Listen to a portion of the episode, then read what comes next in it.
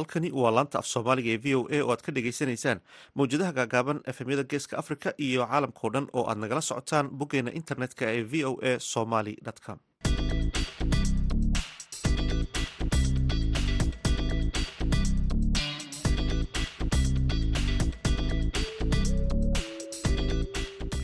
duhur wanaagsan dhegaystayaal waa kowdiiyo barkii duhurnimo xilliga geeska africa waana lixdiiyo barkii subaxnimo xilliga magaaladani washington.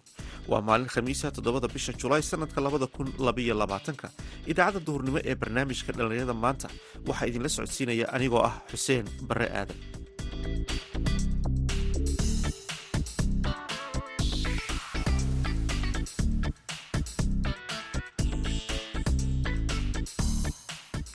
qodobadaan idiin hayno waxaa ka mida dhalinyaro isxilqaamay oo waxbarasho bilaash ah siiya dadka waxbarashada ka daahay ee magaalada boosaaso laba qayboodba waa loo qaybiyaa. Qaybna waa qayb sii socota qaybna waa qayb inta xagaaga ah maadaama ardayda ay ku soo laabanayaan boosaaso jaamacadaha dhigta iyo kuwa ka shaqaystaba ay fursad u heli karin xilliga qowaha ama xilliyada kale inaanay waxbarashadii sii socon karin. Laakiin qaarkood waxaad sidoo kale maqli doontaan guddiga dhallinyarada xerada dhadhaab oo la kulmay wafdi ka socday hay'adda u n h c r. Sidoo kale heesihii ayaa barnaamijka ku jira iyo ciyaarihii. Marka horese waxaad ku soo dhawaataan warkii dunida.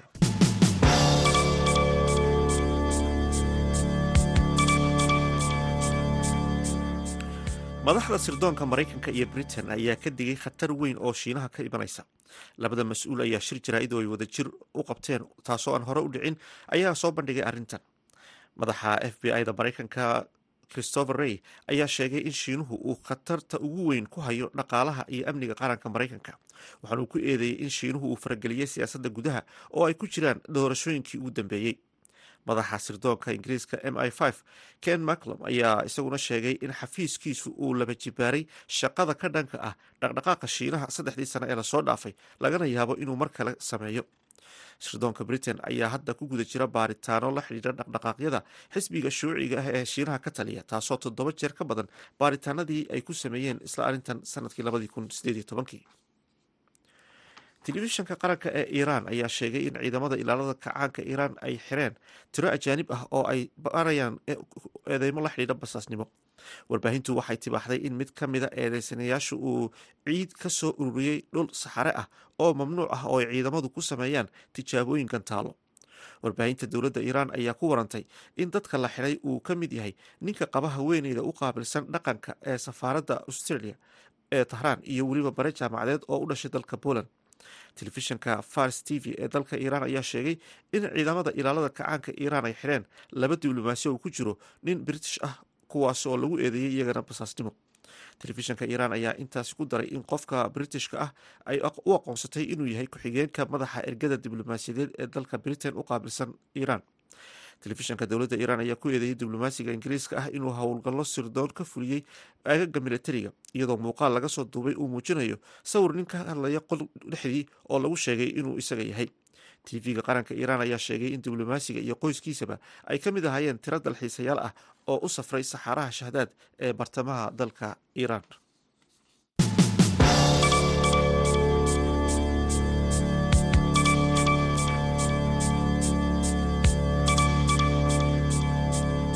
halkaad nagala socotaan waa laanta af soomaaliga v o a. Dhalinyaro isxilqaamay ayaa bilaabay inay waxbarasho bilaasha u fidiyaan. Qaar ka mida dadka waaweyn ee waxbarashada ka daahay ee ku nool degmada tisjiic ee magaalada boosaaso cabdilaahi yaasiin galgal oo ka mid ah dhalinyarada fuliyo barnaamijkan ayaa uga warramay wariyaha v o eda boosaaso yuusuf maxamuud. Yuusuf. Barnaamijka waxbarashada waxaa la fuliyaa laba qaybood oo ah barnaamij xilliga xagaaga la qabto oo waxbarashada dadka waaweyn iyo reermiiga oo waxbarashada dad ka soo daahay. Barnaamijkaasoo loogu magacdaray goto school waxaa wax lagu baraa hooyooyinka iyo dadka waaweyn oo waxbarashada ka soo daahay. Waxaana fuliya ururka wuxuuna fuliyaa xilliga xagaaga ah oo ardayda jaamacadaha dhigatay boosaaso ka tagta ee aqoon-yahanka deegaanka u dhalatay ayaa barnaamijka qabata sanad kasta waxa wax la baraa oo dadka waxbarashada ka soo daahay waaweynka ah.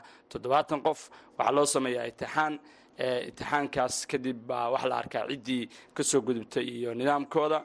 Sidoo kale waxaa la qabtaa barnaamij la dhaho barasho iyo baratan barnaamijkaas oo loogu gol leeyahay aqoon kororsi ardayda deegaanka dugsiyada sare iyo dugsiyada hoose. Ururku wuxuu ku guulaystay inuu sanad kasta qabto. Waxaa sanad kasta tartanka loo qabtaa lix kooxood. Lixdaa kooxood ayaa tartanka loo qabtaa barasho baratan oo loo gol leeyahay in ardaydii aqoontoodii iyo iyagiina isbartaan dhallinyarada magaalada boosaaso ka tagta ee xilliga xagaaga saddexda bilood ku soo qaata tuulooyinkii deegaanada iyo gobollada qaar gaar ahaan deegaankiina tasjiic dhallinyara isxilqaamay saddexda bilood oo keliya ayaa la baraa dadka gaar ahaan dhallinyarada iyo dadka waxbarashada ka daahay? Laba qayboodba waa loo qaybiyaa. Qaybna waa qayb sii socota qaybna waa qayb inta xagaaga ah maadaama ardayda ay ku soo laabanayaan boosaaso jaamacadaha dhigta iyo kuwa ka shaqaystaba ay fursad u heli karin xilliga qowaha ama xilliyada kale inaanay waxbarashadii sii socon karin. Laakiin qaarkood waa la sii wadaa. Sida waxbarashada dadka waaweyn waxaa loogu bedelaa meeshii maadiga ahayd qur'aan iyo maxaadirooyin iyo wacyigelin iyo af soomaaliga in xisaabaadka oo kale. Marka waxbarashadaas waa sii socotaa. Dhallinyarada macalimiinta ah ee isxilqaamay ee boosaaso ka tagta halka aada xagaa walba dhallinyarada deegaanka?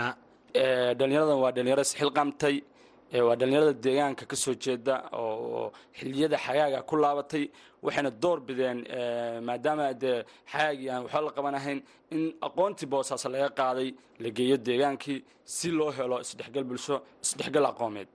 Waxaa qabataan barnaamijyo tartan ah la dhex dhigo dadka. Yaa idinka saacida marka abaalmarinada? Abaalmarinada waxaa naga saacida dhammaan dadka deegaanka ay ugu horeeyaan ganacsatada ugu horeeyaan aqoon-yahanka deegaanka iyo dhallinyarada deegaanka laakiin ururku wax walba isaga ayaa dhabarka u rigta way ilaa intee sii wada ka dhaan baa oran ka dhaha barnaamijkan kor loogu qaadayo in dadka wax la baro? Barnaamijka wuxuu sii jiri doonaa inta bulshadu sii jidho iyo inta dunidu sii jiri doonto insha allah muhiimadduna waa in juhdiga iyo iyo competitionka la sii badiyaa. Waaya dadka waxbarashada ka daahay marka laga yimaado dhallinyarada tiradooda waa imisa oo reer guuraaga ah ee barnaamijkan aad u faa'iidaysaan hadda waxbarashada waxa waxaa diray dad gaaraya konton qof oo haween iyo rag waxbarasho ka soo dahay iskugu jiraan. Waxyaabaha badhaan maxaa ka mid a iyaga? Waxaan barnaa soomaaliga xisaabta carabiga iyo higaada oo carabiga ah iyo qur'aanka. Saddexdaa waxaan barnaa. Waa isbarbar dhignay wakti bay ahayd aanu soo bilownay runtii laisma barbardhigi karo waktigaan soo bilownay marxaladii lagu jiray maanta marxalad ka duwan baa lagu jiraa. Maanta waxaan haynaa hooyo akhrisan karta masajkeeda isticmaali karta mobeelkeeda akhrisan karta qur'aankeeda salaadihii iyo atixiyaadkii iyo shuruudihii salaadana buuxin karta. Way ugu dambeyntii marka fariintaa u diraysid dhallinyarada kale ee magaalooyinka ku sugan. Waxaan u dirayaa fariin dhammaan dhallinyarada soomaaliyeed khaasatan puntland waxaan leeyahay halgan ayaa lagu jiraa. Bulsho kasta waxay ku hormadhaa waa aqoon. Bulsho kasta waxay ku hormadhaa waa dhallinyaro. Sidaan wada ogsoonnahay soomaaliya boqolkiiba toddobaatan shan waa dhallinyaro. Sidaa si lamida marka waxaa wax horumarin karaa waxaa wax qaban karaa waxaa bulshada wax tari karaa waa dhallinyaro. Marka waxaan leeyahay dhalinyaro halganka lagu jiro dhinaciina ka qaada ha laga qayb qaato horumarka bulshada oo baahiya asaasiga ah hala taageero. Barnaamijkan good to school waa barnaamij socda. Barnaamijka waktiga xagaaga ah oo keliya kuma eka laakiin waktiga xagaaga ah cadaadiska ugu badan iyo shaqada ugu badan ayaa la qabtaa. Laakiin barnaamijka waa barnaamij sii socda oo dee xilliga qoobaha wuu iman kartaa gaab. Laakiin gaab weyn ma yimaado. Waxbarashadii waa la sii wadaa. Tusaale waxaa la furaa bisha shanaad ilaa bisha koowaad oo kale.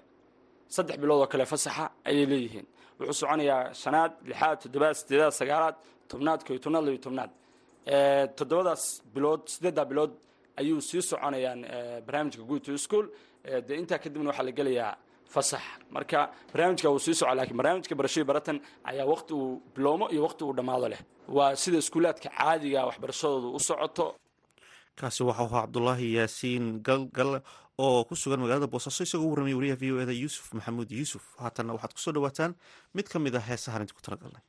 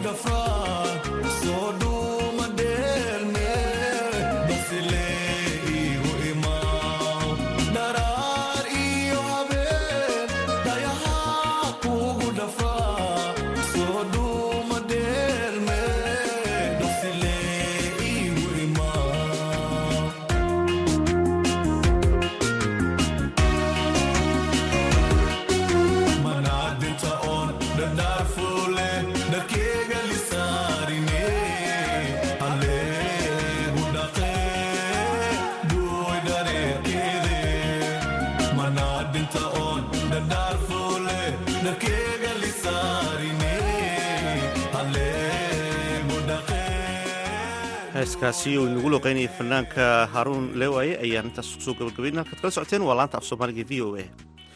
Guddiga dhallinyarada xeryaha qaxootiga ee dhadhaab ayaa kulan la qaatay wafdi ka socday hay'adda u n h c r ee qaramada midoobey u qaabilsan qaxootiga oo uu ka mid ahaa ergeyga hay'adda u qaabilsan arrimaha qaxootiga geeska africa ambasador maxamed cabdi afey iyo wakiilka u n h c r ee kenya caroline van buren dhalinyarada ayaa wafdigan kala hadlay caqabadaha xeryaha qaxootiga ee dhadhaab ku haysta dhalinyarada iyo sida shaqola-aanta iyo waxbarashada xeryaha ee hoos ugu dhacday. Maxamed cusmaan oo ku magac dheer xujaale oo ka mid ahaa guddiga dhalinyarada ayaa kulankan uga waramay wariyaha v o eda ee dhadhaab axmed nuur cabdulaahi iyagol waxaan fursad u helnay inaan la kulanno ergeyga geeska africa u qaabilsan arrimaha qaxootiga ambasada maxamed cabdi afey iyo wakiilka u n s r kenya xafiiska kenya u n s r gabar lagu magacaabo caroline van buren. Waxaana kaga wada hadalnay arrimaha quseeya dhallinyarada iyo guud ahaanba qaxootiga ku dhaqan dhadhaab kenya. Arrimahan ka wada hadalnay waxaa ka mid ahaa sidii tacliinta kor loogu qaadi lahaa arrimaha maxaa la dhihi jiray horumarinta kaabooyinka dhaqaalaha ayaga naftikooda sidii kor loogu qaadi lahaa. Waxaa kaloon ka wada hadalnay adeegyada ay bixiso u n s c r iyo hay'adaha lamataanaha ah ee xaryaha ka shaqeeyo yaan sidii kor loogu qaadi lahaa ayada naftigeeda ka wada hadalnay. Waxaa kaloon ka wada hadalnay in xerada dhadhaab. Oo ah xeryaha xerada ugu weyn kenya qaas ahaan guud ahaana caalamka xeryaha ugu waaweyn ka mid ah in in muddo ah aan wax hadalkeeda hayo iyo wax wakiil caalami aysan imaanin oo ay u eg tahay marka in la hilmaamay khaasatan dhallinyarada waayo bulshada hadda inta ugu badan ee xeryaha ku nool boqolkiiba toddobaatan iyo shan haddaysan ka badnayn waa dhallinyaro tiradooda ay u dhexayso soddon iyo shan sano intay ka yar tahay weeyaan. Dhallinyarada marka caqabadaha faraha badan oo haysta waxaa ka mid ah dhanka tacliinta. Ardaydii markii ay ilaa iyo dugsi sara fonfo ay ka baxaan waxaa dhacda marka in qaarkood aysan helin tacliin sara oo jaamacada ama wadan gudihiisa ama ka baxsan. Waayo fursadaha ay u aadi lahaayeen way yar tahay. Marka waxay noqotaa taa qaarkood kuwii hay'adaha meesha ka shaqaynayay xeryaha in ay qaataan dad aad u yar. Marka boqolkiiba sideetan inta kale soo qalanjibisay caqabad ku noqotay in ay helaan fursad siis hor ay ugu sii socdaan waxbarashadooda iyo fursad ay shaqo uga helaan xeryaha dhexdooda. Waftiga markaad la kulanteen waxyaabahaad kala hadasheen waxaa ka mid ahaa in dhallinyarada waxbaratay ee ku nool xerooyinkan qaxootiga ee dhadhaab ay ka qayb qaataan shirarka looga hadlayo arrimaha qaxootiga ee caalamka qaybihiisa kala duwan ka dhacaya. Waxaa kalooad kala hadasheen dhibaatada haysata dhallinyarada shaqola'aanta marka arrimahan markii aad kala hadasheen maxay idinku jawaabeen? Okay waxay noogu jawaabeen horta xeradu in muddo ah waxay gelinaysay micnaha juhdi ku bixisay u n s r. Sidii tacliinta ardayda ku dhaqan xeryaha dhadhaab in kor loo qaado oo dad fara badan ay ka qalanjibiyaan dugsiyada sare. Markay qalanjibiyaanna kadib haddana jaamacada heer jaamacada loo raadiyo wakiilka u qaabilsan geeska africa ambasadar maxamed cabdi afey wuxuu inoo sheegay aan ognahay in uu jaamacado fara badan tagay wadanka ka baxsan ay ka mid tahay suudaan intayna dowladda hore aysan burburin oo kiigu uusan ku imaanin tiro la soo siiyey oo u xiran qaxootiga ardaydiisa inay jaamacad u aadaan suudaan. Balse ay dhib u keentay markuu kiigu ka dhacay halkaa. Waxaa kaloo uu inoo sheegay inuu tagay taki oo wadaxaajood uu ula socda asagii dowladda taki sifa dowladda tarki ay u siiso waxbarashada waddamada africa qayb ka mid ah in loo xiro arday ka socoto qaxootiyada bariga africa oo aan anaguna ka mid nahay. Waxaa kaloo noo sheegeen marka in ay wadahadalka uu socdo welina uusan dhammaanin rajo fiican uu noogu muujiyey marka wuxuu waana ahaan inoogu sheegay in ay uu dadaalka uu wado. Marka wuxuu yidhi waxbarashada yaanan laga daalin ha la sii wado. Koloo waxaana filaynaa marka in mustaqbalka dhow ay wax isfufuri doonaan caqabadaha kale ead kala hadasheen waftigan ka socda hay'adda u n h r sida wakiilka hay'adda u n h r u qaabilsan arrimaha qaxootiga hay'adda u n h r geeska africa wakiilka cusub ee hay'adda u n h r ee dalkan kenya caroline van buri. Maxaa kale ood kala hadasheen? Waxaa kaloon kala hadalnay maxaa dhihi jiray dhibabka ay bulshada kala kulmaan xeryaha okay waxaa jira dad fara badan oo dib u laabtay soomaaliya oo ay qaarkood maxaa dhihi jiray ay waxbarashadii dhexda oga tageen. Markay soo laabteen waxaa ku adkaatay dadka ayaga ahaa inay iskuullada dib ugu laabtaan sababto ay la mid sababto sababtoy tahay documentigii yay ku gureen markay dib u soo laabteenna helitaankooda ay ku adkaatay. Waxaa marka ayada naftikeeda aan hor dhignay arrin ku dhacday. Mid ka mid a dhallinyarada ku nool xeryaha dhadhaab yaa sanadka markuu ahaa ay qoyskiisa go'aansadeen inay dib u laabtaan oo ay soomaaliya ugu laabtaan. Weliba khaasatan xamar yarkii waxbarashadii dhexda uga tagay haddana wuu soo laabtay. Dadaal ay muujiyeen marka hay'adda gacanta ku haysa waxbarashada iyo dhallinyarada iyo dhammaan bulshada yaa wiilkii dibba iskuulka loogu celiyey wuxuu helay darajo aad u fiican oo b plus ah. Balse waa dhallinyarta u qalmaysay inay jaamacad ay u aadaan waddanka meel ka baxsan. Yarkii hadda wuxuu jijabiyaa baraf yuu magaalada ku iibiyaa waxaana macnaha taa sabab u ahayd inuusan helin warqadihii u sahli lahaa inuu jaamacaddiisa hor ugu sii aado. Caqabadahan kala wadana taasay ka mid ahayd. Marka waxay way garawsadeen wayna qorteen oo macnaha waxyaalaha jawaabta hadda rasmiga u ahayna ka mid ah. Okay waxaa kaloon kala wada kaga hadalnay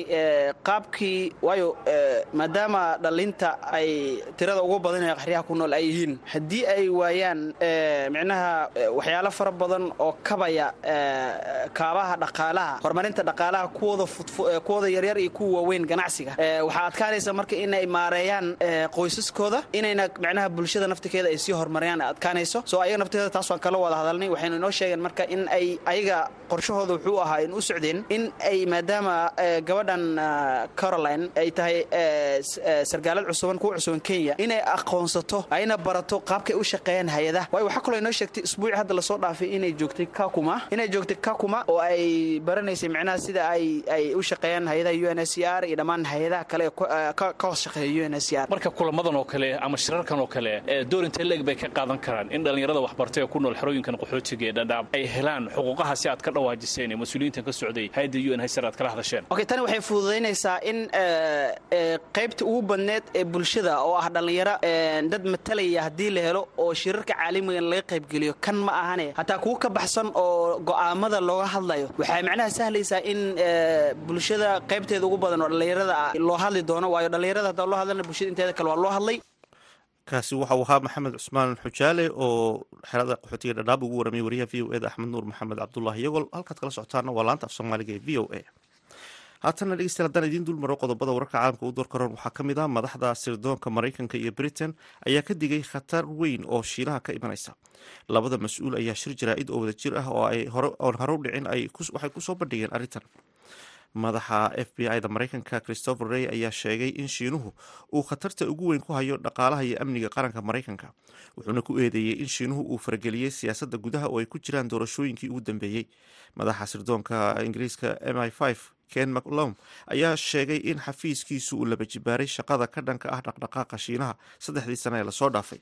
Lagana yaabo inuu mar kale sameeyo sidaasoo kale. Sirdoonka britain ayaa hadda ku guda jira baaritaano la xidhiidha dhaqdhaqaaqyada xisbiga shuuciga ee shiinaha taasoo toddoba jeer ka badan baaritaanadii ay ku sameeyeen isla arrintan sannadkii labadii kun sideed iyo tobankii telefishinka qaranka ee iiraan ayaa sheegay in ciidamada ilaalada kacaanka iiraan ay xidheen tiro ajaanib ah si ay u baaraan eedeymo la xidhiidha basaasnimo. Warbaahintu waxa ay tibaaxday in mid ka mida eedeysanayaashu uu ciid ka soo qaaday dhul saxare ah oo mamnuuc ah oo ay ciidamadu ku sameeyaan tijaabooyin gantaallo warbaahinta dowladda iiraan ayaa ku warantay in dadka la xidhay uu ka mid yahay ninka qaba haweeneyda u qaybsanaha dhaqanka ee safaaradda austria ee dalka iiraan iyo sidoo kale bara jaamacadeed oo u dhashay dalka poland. Dhegeystayaal haatana aynu ku wada nasanno mid ka mid a heesaan idinku talagalnay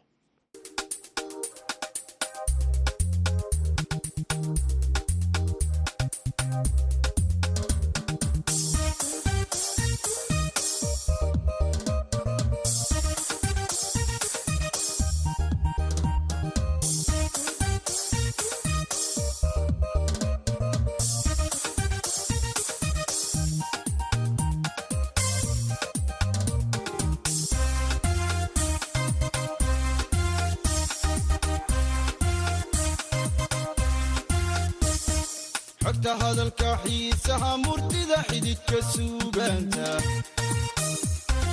Naxwahaan ka soo xulay adaan kugu xadaayaday xogta hadalka xiisaha murtida xididka suugaanta. Naxwahaan ka soo xulay adaan kugu xadaayaday waana gaari xiirkeed inaan kugu xariiraay xogta hadalka xiisaha murtida xididka suugaanta. Nax waxaan ka soo xulay adaan kugu xadaayadaye xogta hadalka xiisaha murtida xididka suugaanta. Nax waxaan ka soo xulay adaan kugu xadaayadaye waana gaari xeerkeediinaan kugu xariiraay xilkasnimo allah kuu dhashiyo garasha xeel dheere. Sida xuurar cayntii jannada lala xayaaday xafiday xasiliyay naftaad xiise gelisay.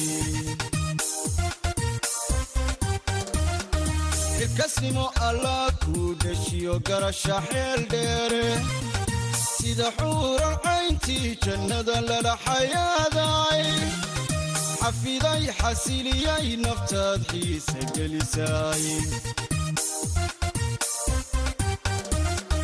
Kaftan aan xajiiniyo lahayn weedh ku xaganaysaa oo rul xalaalaysay baad ku xaragootaay qalbi xaadhan baad leedihiyo laab xaruuriyahe nageenyaalayey alla geenya ugubay naftaad xiise gelisay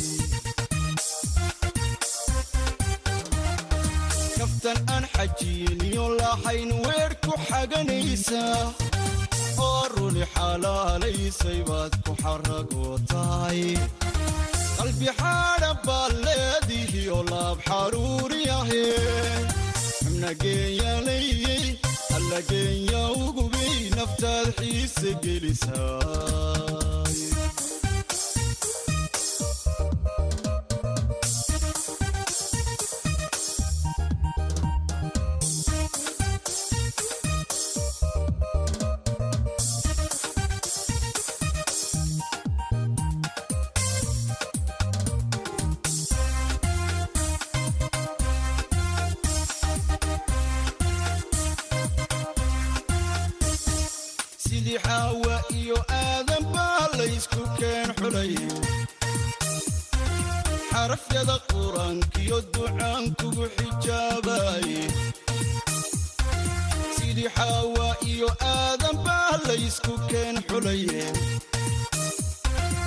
xarafyada qur'aankiyo ducaan kugu xijaabaye ku xantiyay ilaahii xukumay xulashadaadii sidii xaawa iyo aadan baa laysku keen xulaye xarafyada qur'aankiyo ducaan kugu xijaabaye sidii xaawa iyo aadan baa laysku keen xulaye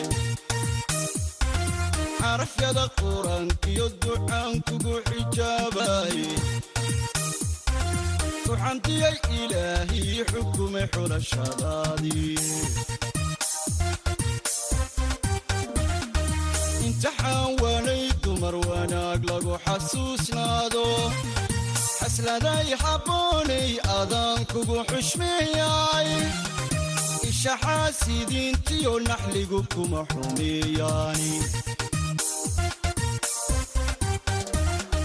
imtixaan waanay dumar wanaag lagu xasuusnaado xasladay habboonay adaan kugu xushmeeyay ishaxaasidiintiyo naxligu kuma xumeeyaani